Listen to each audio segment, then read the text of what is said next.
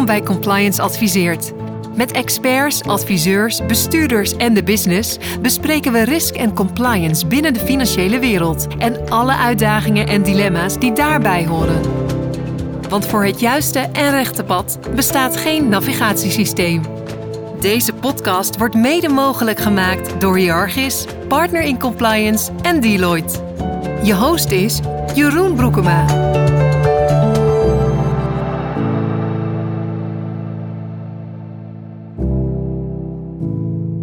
Dag luisteraars, welkom bij Compliance Adviseert. Leuk dat je luistert naar de podcast. Vandaag spreek ik met Tom Lonen, hoogleraar financieel recht en integriteit aan de Vrije Universiteit. En we hebben het over alles wat te maken heeft met AML, KYC, inclusief de nieuwe leergang die Tom heeft opgezet. We hebben van tevoren afgesproken, ik mag je en jij zeggen. We hebben elkaar ook al eerder een keer ontmoet. Zeker.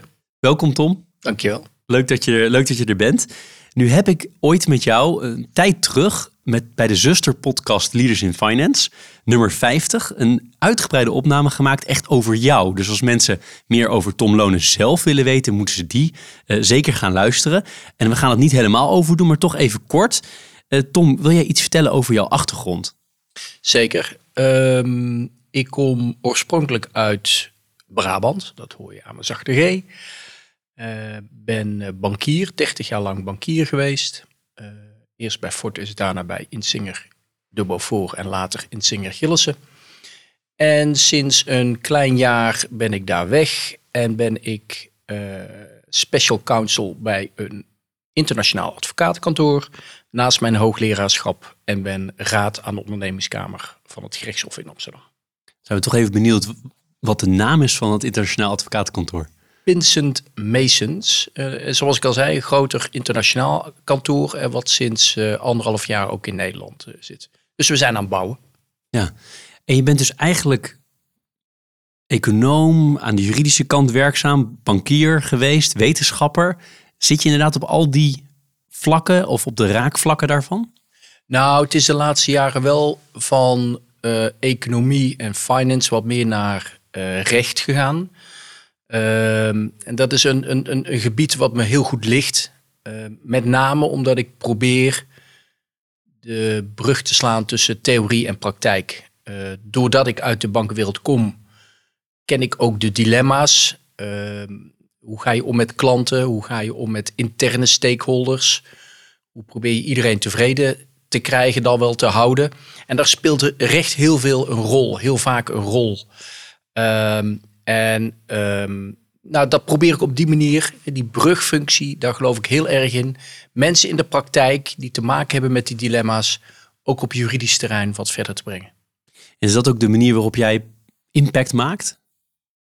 Ja, of ik impact maak, dat laat ik graag aan een ander over. Maar um, ik, ik, ik, ik hoop echt dat die mensen in de praktijk, die met die weerbarstigheid te maken hebben van die praktijk, dat die zeggen, nou ja, wat hij zegt, wat Tom Lonen zegt, daar herken ik me in en daar heb ik in de praktijk ook wat aan. Overigens hoeven dat echt niet alleen maar mensen uit de bankwereld te zijn. Ik zou het ook heel mooi vinden als particulieren of kleinere ondernemers zeggen, nou ja, wat hij zegt, daar heb ik wat aan en dat kan ik ook weer gebruiken in mijn contacten met banken. Dus ik ben echt niet per se alleen pro-bank, uh, maar ik hoop echt dat ik, nou ja, door die theorie wat dichter bij die praktijk te brengen, die juridische theorie, hoop ik mijn steentje bij te dragen. Ja, mooi. Dus al praktijk en theorie uh, heel dicht bij elkaar krijgen. Nu heb jij veel interesse in het anti-money laundering, KYC-domein. Dat is ook wel gebleken uit wat we zien op LinkedIn, wat we zien in het Financiële Dagblad. Maar waar komt dat vandaan, die interesse?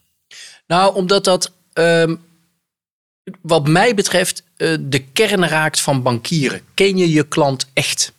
Weet je wat hij of zij dat nou een natuurlijk persoon is of een rechtspersoon, wat die beweegt.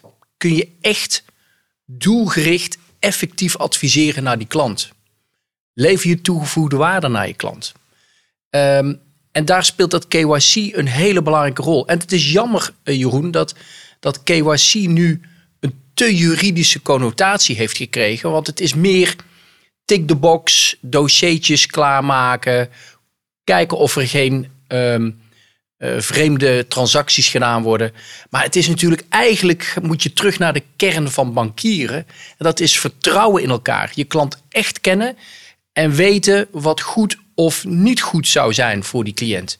Uiteraard kan hij daar zelf in beslissen.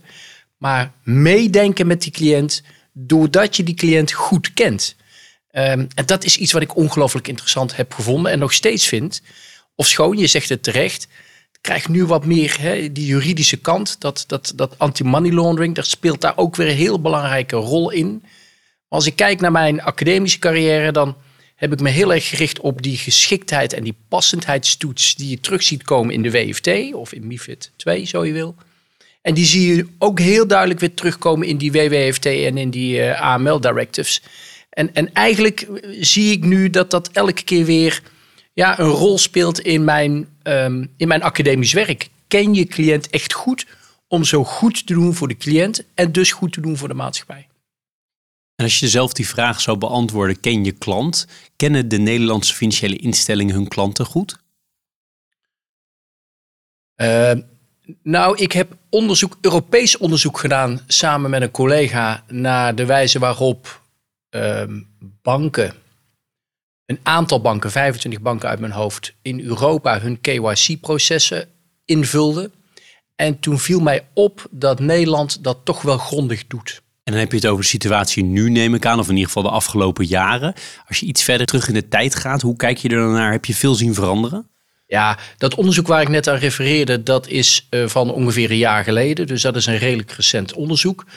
Ja, het is ontegenzeggelijk zo dat als het gaat om ken uw cliënt, hè, KYC, eh, dat er een enorme evolutie uh, is geweest de, de, afgelopen twintig jaar. Ehm, was het een, een, een, een, half A4'tje invullen met NOW-gegevens van cliënten. En nu zijn dat halve boekwerken geworden. Ehm, soms Ehm, eh, als je me eerlijk vraagt, vragen waarvan ik denk, nou, voegen die echt wat toe? Voegen die wat toe in de dienstverlening? Voegen die wat toe in het bestrijden van uh, witwassen? Nou, daar stel ik dan toch een vraagteken bij, als ik eerlijk ben. Ehm, maar ja, die evolutie is enorm geweest. En je zou kunnen zeggen dat die zo langzamerhand ook wel een heel klein beetje aan zijn top begint te komen. Omdat je ook ziet dat uh, banken moeite hebben met het goed borgen van processen en van informatie. Maar ook dat cliënten aan de andere kant zeggen: ja, er komt ergens een moment, beste bankier, dat deze vraag niet meer beantwoord gaan worden. Omdat ik zelf niet meer doorheb als cliënt wat mij uh, het antwoord op die vraag gaat opleveren. En ja, dan kom je dus eigenlijk in het, in het gebied van de privacy. Ja, je ziet nu uh, de discussies in de Tweede Kamer uh, rondom AML en witwassen, nou ja, daar, daar zie je het eigenlijk heel duidelijk naar boven komen. dat dat een spanningsveld begint te worden.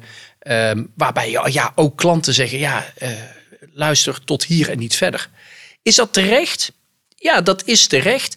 Aan de andere kant, het bestrijden van witwassen en terrorismefinanciering is ook een hele taaie klus waarbij je die kruisverbanden tussen banken moet leggen. Of dat die 100 euro nou moet zijn qua grens of niet, daar kun je over reden twisten. Maar luister uh, naar uh, diverse uh, podcasts, lees diverse onderzoeksrapporten over echte criminele activiteiten. Ja, dan zie je dat dat heel diep geworteld is in onze maatschappij. Ja, daar heb je dan toch die poortwachtersfunctie echt bij nodig. Het goed vervullen daarvan. En nog even de hele basale vraag. Hè? ken je klant. We hebben het een beetje over gehad hè, in de loop der tijd. En misschien dat mijn woorden maar bepaalde dingen wat doorgeslagen zijn of niet. Maar kenden we onze klant niet goed genoeg dan? Als je zeg maar twintig jaar geleden teruggaat in de tijd? Nee, met hindsight moet je vaststellen dat we onze klant uh, veel te weinig kenden. We als banken vaak erg gespitst waren op kennen we onze cliënten op onderdelen genoeg om zo onze diensten en producten te kunnen verkopen.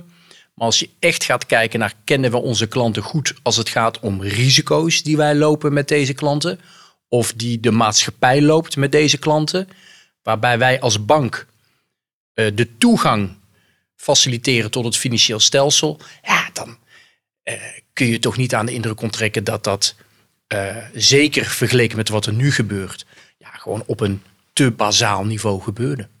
Wat ik heel interessant vind, hè, is aan wat jij zegt over de juridisering hiervan. Dat je het eigenlijk jammer vindt dat het verder gejuridiseerd is. Hè. Mijn woorden, spreek me gerust tegen als ik het niet goed samenvat. Maar had het ook op een andere manier gekund? Ja, ehm, je ziet mij twijfelen. Ehm, ik vrees dat het antwoord nee is. Ehm, ik ben in het verleden betrokken geweest ook bij eh, een aantal leidraden die door toezichthouders werden geïntroduceerd. En dan de toch regelmatig het gebrek aan urgentie en misschien zelfs op sommige momenten de coöperativiteit van banken om mee te werken aan het echt wezenlijk verbeteren van bijvoorbeeld diensten of producten, dan ontkom ik er toch niet aan te concluderen dat die carrot niet altijd effectief is. En dat er toch wat meer met die stick moet worden eh, gewerkt. Aan de andere kant, wellicht slaat dat nu door. Als banken, maar ook klanten, echt twijfelen aan de effectiviteit van wet en regelgeving en daar zelfs weerstand tegen komt, ja, dan sla je weer door aan de andere kant. Maar je vraag was, joh, is het niet te ver doorgeslagen? Is het niet te zwaar verjuridiseerd? Dan zeg ik, ja, ik vrees van wel. Ehm, maar daar is wel een reden voor. Ja, dat klinkt heel helder. Dit is Compliance Adviseert.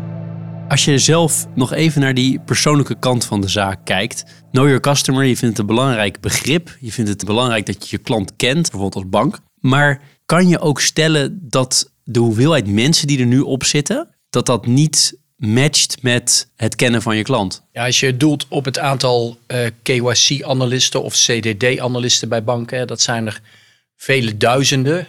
Um, ik heb me laten vertellen dat dat uh, wel aanzienlijk wordt afgebouwd, die aantallen. Maar je moet het je zo voorstellen, Jeroen, dat daar uh, vele, vele mensen bezig zijn met het complementeren van dossiers. Ja, is dat effectief? Uh, leer je daardoor echt je cliënt beter kennen? Het antwoord zit natuurlijk besloten in de vraag. Hè? Het antwoord is zeer waarschijnlijk nee. Uh, want er moeten bepaalde antwoorden gegeven worden op vragen die gerelateerd zijn aan het proberen de risico's beter in kaart te krijgen, proberen de risico's beter te beheersen. Uh, maar dat heeft de facto niet zoveel te maken met het verbeteren van de dienstverlening. Dus sterker nog, je zou kunnen verdedigen dat de wijze waarop we nu KYC bedrijven ervoor zorgt dat de cliënt alleen maar verder afdrijft van die bank. Terwijl we eigenlijk zouden moeten proberen te bewerkstelligen dat die klant juist dichter bij ons komt door die klant beter te kennen. Um, en daarom is um, bijvoorbeeld zo'n leergang die ik nu aan het opzetten ben en die in september uh, van start zal gaan, um, denk ik echt van belang, omdat daar ook wordt meegegeven dat wil je een goede KYC-analyst zijn, dan zul je ook moeten begrijpen wat die cliënt drijft. Dan zul je ook moeten begrijpen dat die cliënt um, notie moet krijgen waarom jij die vragen stelt. Dan zul je ook moeten begrijpen wat voor uh, dilemma's en spanningsvelden zo'n accountmanager heeft. En daarin samen optrekken naar die cliënt toe. Um, ik heb soms wel het gevoel dat de KYC-analyst wordt uh, gezien als de boeman die de vervelende, uh, soms dommige vragen stelt aan de cliënt. En dat de accountmanager dat dan weer moet repareren. Maar waarom kunnen we dat nou niet gezamenlijk optrekken in een wijze dat zowel die KYC-analyst als die accountmanager die cliënt echt beter leert kennen en waarbij die cliënt ook het gevoel krijgt, potverdikke me. Dit zijn vragen waar ik zelf nooit aan zou hebben gedacht. En dit brengt mij ook verder. Verder in de discussie met mijn man of vrouw. Verder in de discussie met mijn kinderen en mijn rest van mijn familie. Dus ik ben bereid om die vraag te beantwoorden. Ja, want dat is natuurlijk fantastisch. Dat zou de win-win zijn. En dat je het gevoel hebt dat de, dat de bank bijvoorbeeld, of welke financiële, of welke financiële instelling dan ook, dichter bij je komt te staan. En tegelijkertijd help je het systeem schoon te houden. Dat zou ideaal zijn. Eigenlijk zou het ook, als je de kant echt beter kent, komt het zo over. Maar op mij als ondernemer, ik vind die vragen heel normaal die ik kreeg laatst toen ik een nieuwe BV opende. Maar wat ik vervelend vind is dat het zo lang duurt. Ja, dat heeft te maken met processen. Hè, het goed inrichten van processen zorgen dat die informatie uh, goed uitgevraagd wordt, goed um, uh, bewaard wordt, uh, goed geanalyseerd wordt. dat daar goed opvolging aan wordt gegeven. Ja, je ziet in de praktijk dat het daar gewoon nog vaak misgaat. Ik, ben, ik ben zelf jarenlang werkzaam geweest bij een bank. En ik zeg gewoon heel eerlijk, Jeroen, dat is een hele, hele pittige klus. Om dat goed op orde te krijgen. Uh, ik heb recent een voorbeeld ook als particulier meegemaakt. Waarbij uh, ik spaargeld heb bij een bepaalde bank. En die bank die vraagt om bewijs van herkomst van middelen. Niks op tegen. Dus ik reageer daar meteen op. En vervolgens krijg ik vier, vijf weken later een aanmaning dat als ik niet onmiddellijk reageer, de relatie wordt beëindigd. Ja, en dan wijs ik op die e-mail en dan blijkt eigenlijk dat dat in het proces verloren is gegaan. En dat zijn nou typisch van die kleine voorbeelden waarbij je dan ook, hè, waarbij ik ook en, en waarschijnlijk de luisteraar ook denkt, ja, en dat is nou precies waarom uh, die klanten zo'n hekel beginnen te krijgen aan dit soort vragen. Ze zijn namelijk heel vaak, en je zegt het terecht, heel vaak bereid om vragen te beantwoorden. Zolang de, hè, met een lelijk Nederlands woord, Engels woord, de purpose, de, de reden duidelijk is, dat daar goed opvolging aan wordt gegeven, dat die informatie veilig uh, bewaard wordt en dat dat meegenomen wordt in de relatie. En dat gebeurt gewoon heel vaak nog niet. Ja. Nee, dat kan me voorstellen. Nee, ik vond, kijk, ik weet niet, ik werd mij goed uitgelegd bij deze bank waarom het was. Ik vraag me wel of als ik helemaal niks van AML, KYC wist, of ik het ook helemaal goed had begrepen. Maar dingen als je, je Kamer van Koophandel, je org chart en dat soort dingen vond ik hele normale zaken. Bij mij was het natuurlijk een vrij simpele exercitie. Maar als je natuurlijk heel, uh, ja, hele moeilijke structuren hebt, zeker bij uh, private banking klanten bijvoorbeeld of corporates, waar nou, UBO's natuurlijk heel ver, ver weg zijn vaak met veel tussen uh, structuren, dan wordt het een stuk lastiger. Voordat we een paar stellingen erin gaan, in gaan gooien hier in deze podcast, wil ik nog even aan jou vragen. Je zegt, ik hoor wat signalen dat er afgebouwd gaat worden qua aantallen mensen. Wat verklaart dat? En dan heb ik twee smaken, maar misschien heb jij een derde. De eerste smaak is, we gaan veel meer met tech dat oplossen. En de tweede smaak is, ja, we, vanuit de regulatory kant kunnen we toch iets anders gaan inrichten. Nou, um, ja, en ik denk dat er nog een derde reden ook is. Um, Ten eerste inderdaad, artificial intelligence zal een rol gaan spelen. Maar garbage in is garbage out. Dus kennis is daar heel belangrijk uh, bij. Um, kennis van wet en regelgeving, kennis van cliënten, kennis van criminele activiteiten. Um, ja, je hebt gelijk. Ik zei uh, tijdens deze podcast al dat uh, er steeds meer met die stick gewerkt is. Maar je merkt gelukkig ook dat bijvoorbeeld de Nederlandse Bank, maar ook de AFM, inziet dat de wijze waarop we het nu hebben ingericht ook niet langer houdbaar is. De Nederlandse Bank heeft daar een prima voorzet voor gedaan in een rapport, waarbij ze eigenlijk zegt er moet veel meer risk-based um, uh, onderzoek gedaan worden um, door banken. Uh, en dat betekent dat de relatief eenvoudige cliënt wat meer met rust gelaten zou kunnen worden. Ja, dat is zo, maar waar ik echt op aansla is minder mensen KYC. Dat is vanuit kosten uh, ontegenzeggelijk uh, belangrijk. Uh, die kosten zijn ook niet langer te dragen door banken. En die worden natuurlijk onderaan de streep gewoon doorbelast aan die cliënt. Punt. kosten waarvan de consument zegt, ja, tot hier en niet verder. Waarbij we overigens weten dat Nederland nog relatief goedkoop is. Hè, als het gaat om financiële dienstverlening hebben van de betaalrekening. Maar waar ik, waar ik echt nog ehm, een lans wil breken, is voor het verder specialiseren van die KYC-analisten. Mannen en vrouwen die echt van de hoed en de rand weten op allerlei terreinen. En die nou feitelijk effectief invulling kunnen geven aan die oproep van de Nederlandse bank. Ga nou eens meer risico-based de zaak benaderen. En dat kan alleen als je echte specialisten in dienst hebt. Die echt weten hoe die complexe structuren werken. Die echt weten waar dat die gevaren zitten in die VPB-aangifte. Die echt kunnen flaggen in een jaarrekening. Maar dit zit vreemd in elkaar. Hier gaan we op door uh, uh, onderzoeken. Dus uh, ja, kosten, minder mensen, artificial intelligence, een toezichthouder die wat ontspannender lijkt te zijn. Dat zet ik wel tussen aanhalingstekens. Um, maar dat kan alleen met goed opgeleide specialisten. Ja, en misschien nog één extra zit ik te denken als ik zo naar jou luister. En dat is namelijk dat er natuurlijk ook heel veel herstelwerkzaamheden waren. Die misschien langzamerhand ingelopen worden. Dat je daarom ook met iets minder mensen af kan. Ja, Maar dat gaat langzaam, kan Ja. ik je verzekeren. Ja, ja. Dat, is- ja, dat is zo. Dat is zo. Ja. Het rapport waar jij aan refereert is van herstel naar balans hè, van de. DNB. Ja. Nou, laten we eens een paar stellingen be- bespreken, Tom, als je daar eh, eh, dat, eh, dat goed vindt. In de eerste plaats, heel kort door de bocht. Maar de witwasbestrijding in Nederland is weinig succesvol tot op heden. Eens of oneens? Daar moet ik eens op zeggen. Wil je toelichting? Of, of Ja, wil je... heel Oh, graag. Nee, daar ja. gaat het me om. Maar dat Ja, eens of oneens, dat... eh, Ja, ik vrees dat ik daar eens op moet zeggen. Omdat ik denk dat eh, steeds meer naar voren komt dat de echte zware criminele activiteiten buiten het zicht eh, plaatsvinden. Waarbij er zelfs ondergrondse bankierscircuits zijn die heel af en toe naar boven poppen. Dat moet natuurlijk, hè, want uiteindelijk moet ook dat geld toch in de reële wereld terechtkomen, om het zo maar te zeggen, eh, in de bovenwereld. Ik denk dat de wijze waarop we het nu insteken heel weinig echte hits oplevert. Eh, en dan met echte hits bedoel ik niet FYU-meldingen, want die zijn er voldoende ondertussen. Maar eh, hits die ervoor zorgen dat we echt, echt verdachte criminelen, of echt verdachte transacties moet ik zeggen, naar boven halen. Waar we grondig onderzoek gaan doen, die doorgebracht kunnen worden naar het Openbaar Ministerie en waar ook vervolging op plaatsvindt. Het aantal vervolgingen, eh, succesvolle vervolgingen op eh, gebied van AML, is nog steeds eh, beperkt als je kijkt naar de middelen, hè, mensen en, en geld die we, daar, eh, die we daarin eh, steken.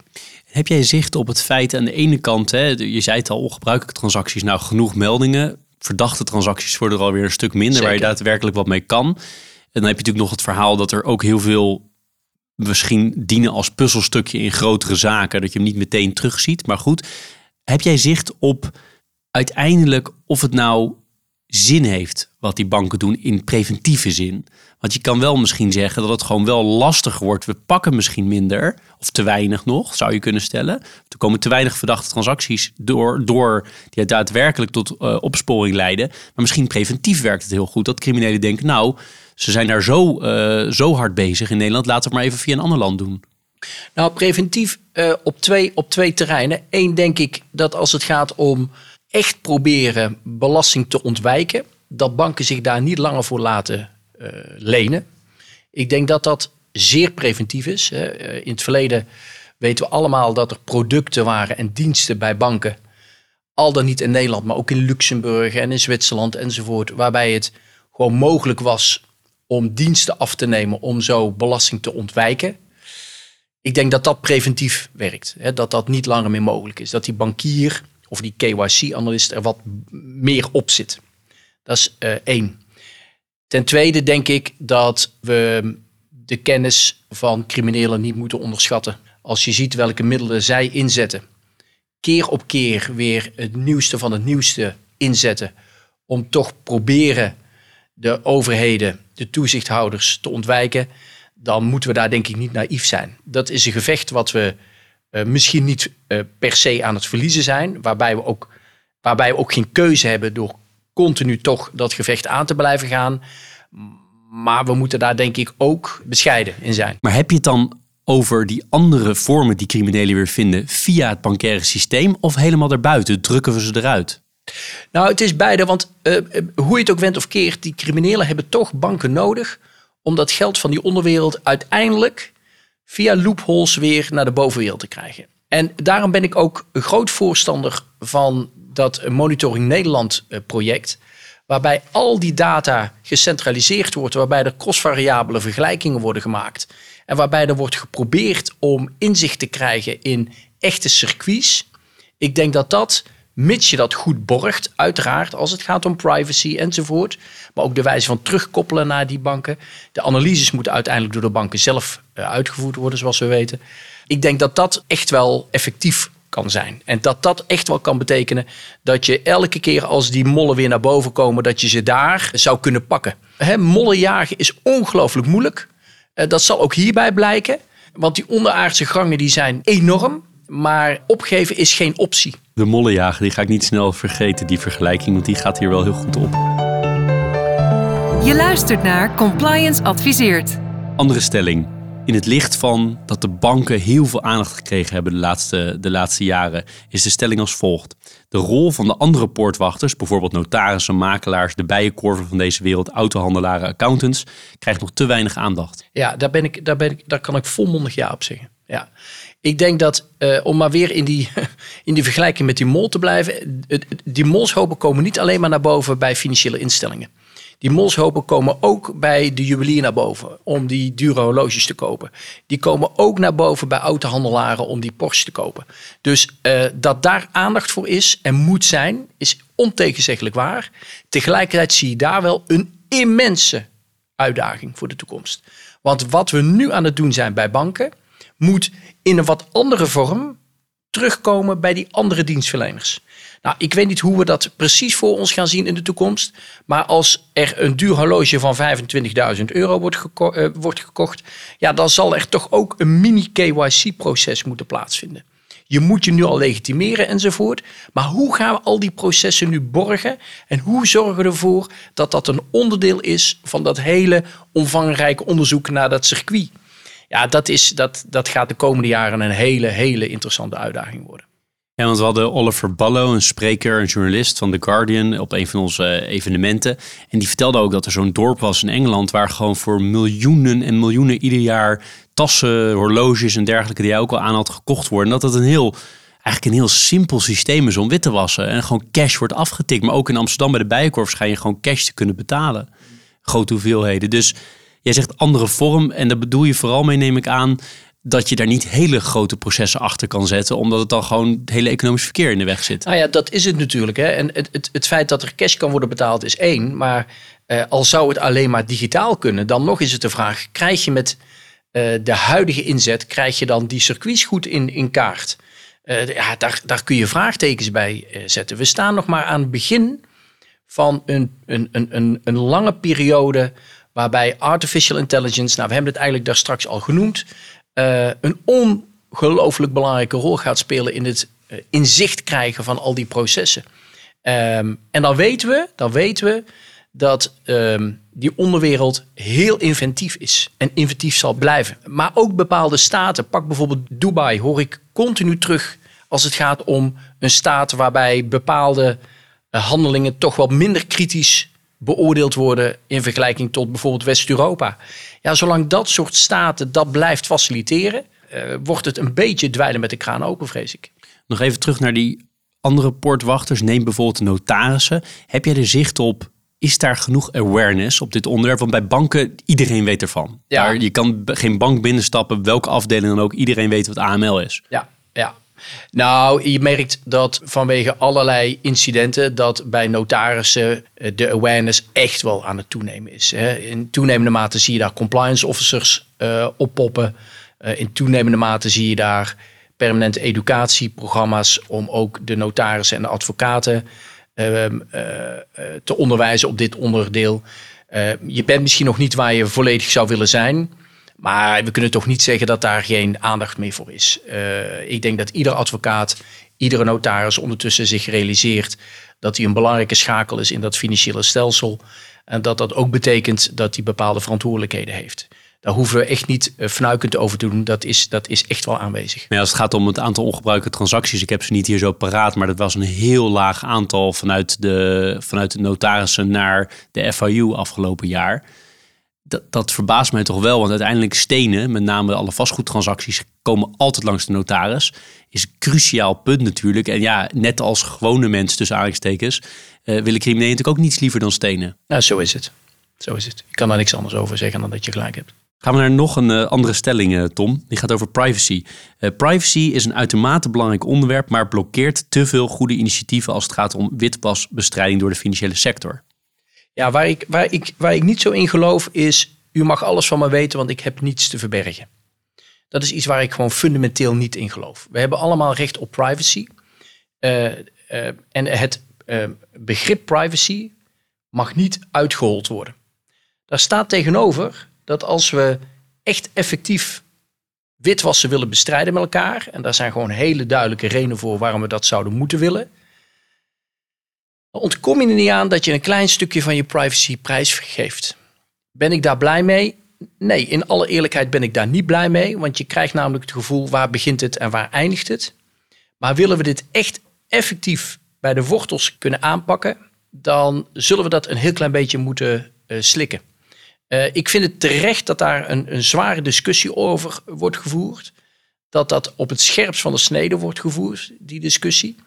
Want privacy weggeven is één, maar privacy terugkrijgen is vaak een heel, heel grote uitdaging. Dus uh, ja, ik, ik volg je. Uh, maar ik maak me wel zorgen over uh, de privacy die we gaan verliezen. Omwille van die bestrijding. Toch gaf je ook eerder aan in dit gesprek TMNL, Transactiemonitoring Nederland, vind je een goed idee. Nou, daar is natuurlijk heel veel discussie over privacy. Hoe kijk je daar dan naar? Ja, er is, kijk, we realiseren, ik, ik denk dat we ons in toenemende mate realiseren dat we, zoals ik net al zei, een klein stukje van onze privacy moeten opgeven omwille van de bigger picture. Dat volg ik en dat begrijp ik. Ik denk ook dat dat de enige weg is vooruit als het gaat om uiteindelijk het AML bestrijden. Maar dat dat kritisch gevolgd wordt is wat mij betreft evident. Laatste stelling, meer Europees uh, georiënteerd, namelijk een Europese witwasautoriteit, AMLA vaak genoemd, is een goede zaak.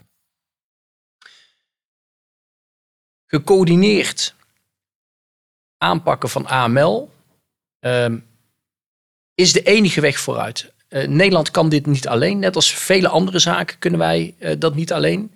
Dus dat daar een Europese toezichthouder op komt, uh, lijkt me logisch. Het wordt dan wel weer heel spannend hoe zich die gaat verhouden tot de nationale toezichthouders. Je ziet hoe dat, dat met de ECB, met de EBA, maar ook met ESMA gebeurt bij de DNB en bij de AFM, dan zie je dat men uh, continu aan het zoeken is: oké, wat is nou precies jouw taak en jouw bevoegdheid en wat is die van mij? En voor je het weet, Jeroen, krijg je een veelkoppig uh, monster uh, waarbij er tal, tal, talloze ambtenaren bezig zijn met één onderwerp, waarbij ook weer die effectiviteit onder druk komt te staan. Dus je bent geneigd om te zeggen: ja, dat moeten we doen. Tegelijkertijd zeg ik goed. En laten we dan ook eens kritisch kijken naar de lokale toezichthouder en zijn of haar verantwoordelijkheden. En laten we dan ook eens kijken uh, uh, hoe je daar uh, slim mee omgaat. En dan bedoel ik met name vanuit kosten en vanuit effectiviteit. Daar ben ik nog niet helemaal van overtuigd. Nee, want in de kern zou ik stellen, is een typisch internationaal probleem, namelijk witwassen. Dat is natuurlijk 100% internationaal issue gaat altijd, of altijd, maar gaat heel snel grenzen over. Moet, wil je ook internationaal aanpakken. Maar jij zegt eigenlijk, mag ik het zo samenvatten, de uitvoering, daar zit dan wel weer even de, nou ja, daar kan het wringen. Nou, de plannen zijn natuurlijk allemaal prachtig en iedereen gaat daar instemmend mee uh, door de bocht. Dat is allemaal prima. Maar uiteindelijk komt het erop neer dat die man of vrouw op de werkvloer in staat is om zijn of haar werk effectief te kunnen doen. En um, de vraag is of je met een nieuwe toezichthouder, kijkend ook naar de nationale verantwoordelijkheden en bevoegdheden, of die nieuwe toezichthouder echt iets gaat toevoegen. Is het antwoord daarop ja, heb ik daar geen enkele moeite mee. Maar we lijken soms een heel klein beetje toezichthouder op toezichthouder te gaan stapelen, zonder dat we echt kijken naar de effectiviteit daarvan. Als ik zo naar jou luister, dan speelt er in mijn hoofd constant dat idee van, ja, wat is nou eigenlijk in dit hele debat uh, en de hele ontwikkeling van zoveel aandacht voor AML bij die financiële instellingen. Wat is nou eigenlijk publiek en wat is privaat? Hè? Wat zou waar moeten liggen? Is, is dat wat jou betreft een interessante discussie of zeg je nee, dat is gewoon duidelijk? Daar zou eigenlijk helemaal geen gesprek meer over moeten plaatsvinden. En een voorbeeld daarbij zou kunnen zijn, TMNL kun je zeggen, dat is een taak, dat kunnen de banken samen oppakken. Je zou kunnen zeggen, nee, dat is nou typisch een overheidstaak. Zij moeten gewoon inzage krijgen, maar de overheid moet het zelf verder doen. Ja, ik denk dat beide partijen, en daarmee bedoel ik privaat en publiek, niet zonder elkaar kunnen. Dat is duidelijk. Um, je kunt natuurlijk de discussie voeren, zijn banken uh, op aarde om dit soort werkzaamheden um, uit te voeren? Uh, zijn ze op aarde om dat voldoende te kunnen faciliteren? Ja, daar kunnen we het heel lang met elkaar over hebben. Um, uiteindelijk leven we ook in een circulaire economie. De kosten komen uiteindelijk toch weer bij de burger terecht. Um, dus ik begrijp je vraag. Um, ik vind de discussie ook relevant. Maar het oplossen van dat probleem is misschien nog wel relevanter. en als je kijkt wat witwassen, wat criminele activiteiten onze maatschappij kost, dan vind ik de echte discussie over publiek-privaat, waar ligt die verantwoordelijkheid, iets minder interessant. Nee, dat is misschien de discussie over de gronddelicten. Waar, komt, waar wordt dat geld überhaupt verdiend? Crimineel geld. Dat is misschien nog wel de allerbelangrijkste discussie die politiek gevoerd moet worden. Ik noem maar wat. Het grootste gedeelte is natuurlijk gerelateerd aan drugs. Ja, de grootste gedeelte is inderdaad gerelateerd aan drugs. En dan kom je op een heel ander terrein terecht. En Nederland is uh, toch een van de grotere leveranciers als het gaat om drugs uh, in de wereld zelfs. Uh, ja, en dat is natuurlijk geen bankaire discussie. Dat begrijpen we denk ik allebei. Uh, en uiteindelijk moet het allemaal gefinancierd worden. Het bestrijden daarvan uit publieke middelen. Dus ja, um, ik denk dat de Nederlandse financiële sector zijn of haar steentje moet bijdragen in die poortwachtersfunctie waar we het vandaag over hebben gehad. Maar dat inderdaad het effectieve bestrijden van uh, drugsmokkel, drugsverhandelen, dat dat een hele andere discussie is die verder weg ligt van de banken. Ja. Als laatste deel van dit gesprek zou ik het met je willen hebben over, je hebt hem al een paar keer aangehaald, maar jouw KYC-leergang, als ik het goed zeg, uh, ontzettend interessant. Maar neem ons even helemaal terug. Waar komt dit idee vandaan en wat is het? Waar het vandaan komt, uh, Jeroen, is dat ik uh, in de tijd dat ik bij Insinger Gillissen werkte, uh, zag dat het team met KYC-analisten enorm groeide. Um, ik zag veel nieuwe mensen. Um, ik zag veel voor mij onbekende mensen. Daar waar zo'n kleine bank je toch heel veel medewerkers, of eigenlijk alle medewerkers wel kende, kwamen er opeens tientallen nieuwe ZZP'ers binnen die zich bezig gingen houden met onze klanten. En in alle eerlijkheid vond ik dat frustrerend. En wat vond ik frustrerend? Eigenlijk twee dingen. Eén, dat de kennis en de ervaring niet altijd op niveau was. Dat is één. En twee, dat ze zich niet realiseerden dat daar een klant achter zat. Een klant die broodgever is voor die bank. En toen ik bij de bank vertrok, heb ik bij mezelf gedacht: ik wil heel graag uh, daar een steen aan bij gaan dragen. En ik was al hoogleraar aan de VU. Ik heb een plan geschreven om Certified KYC-analyst um, een leergang neer te zetten. En daar zijn mijn volmondig ja op. Ik ben toen uh, lid geworden van uh, het managementteam van de compliance en integriteits.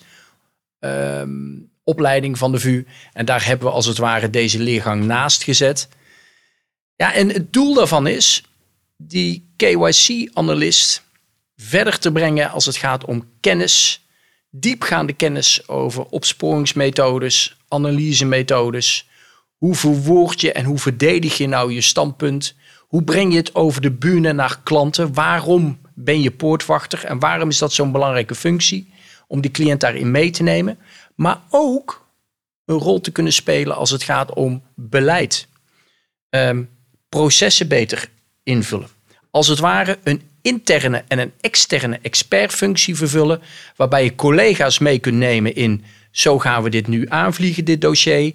En zo kunnen we het onder het voetlicht brengen bij de cliënt op een correcte, maar ook deskundige wijze.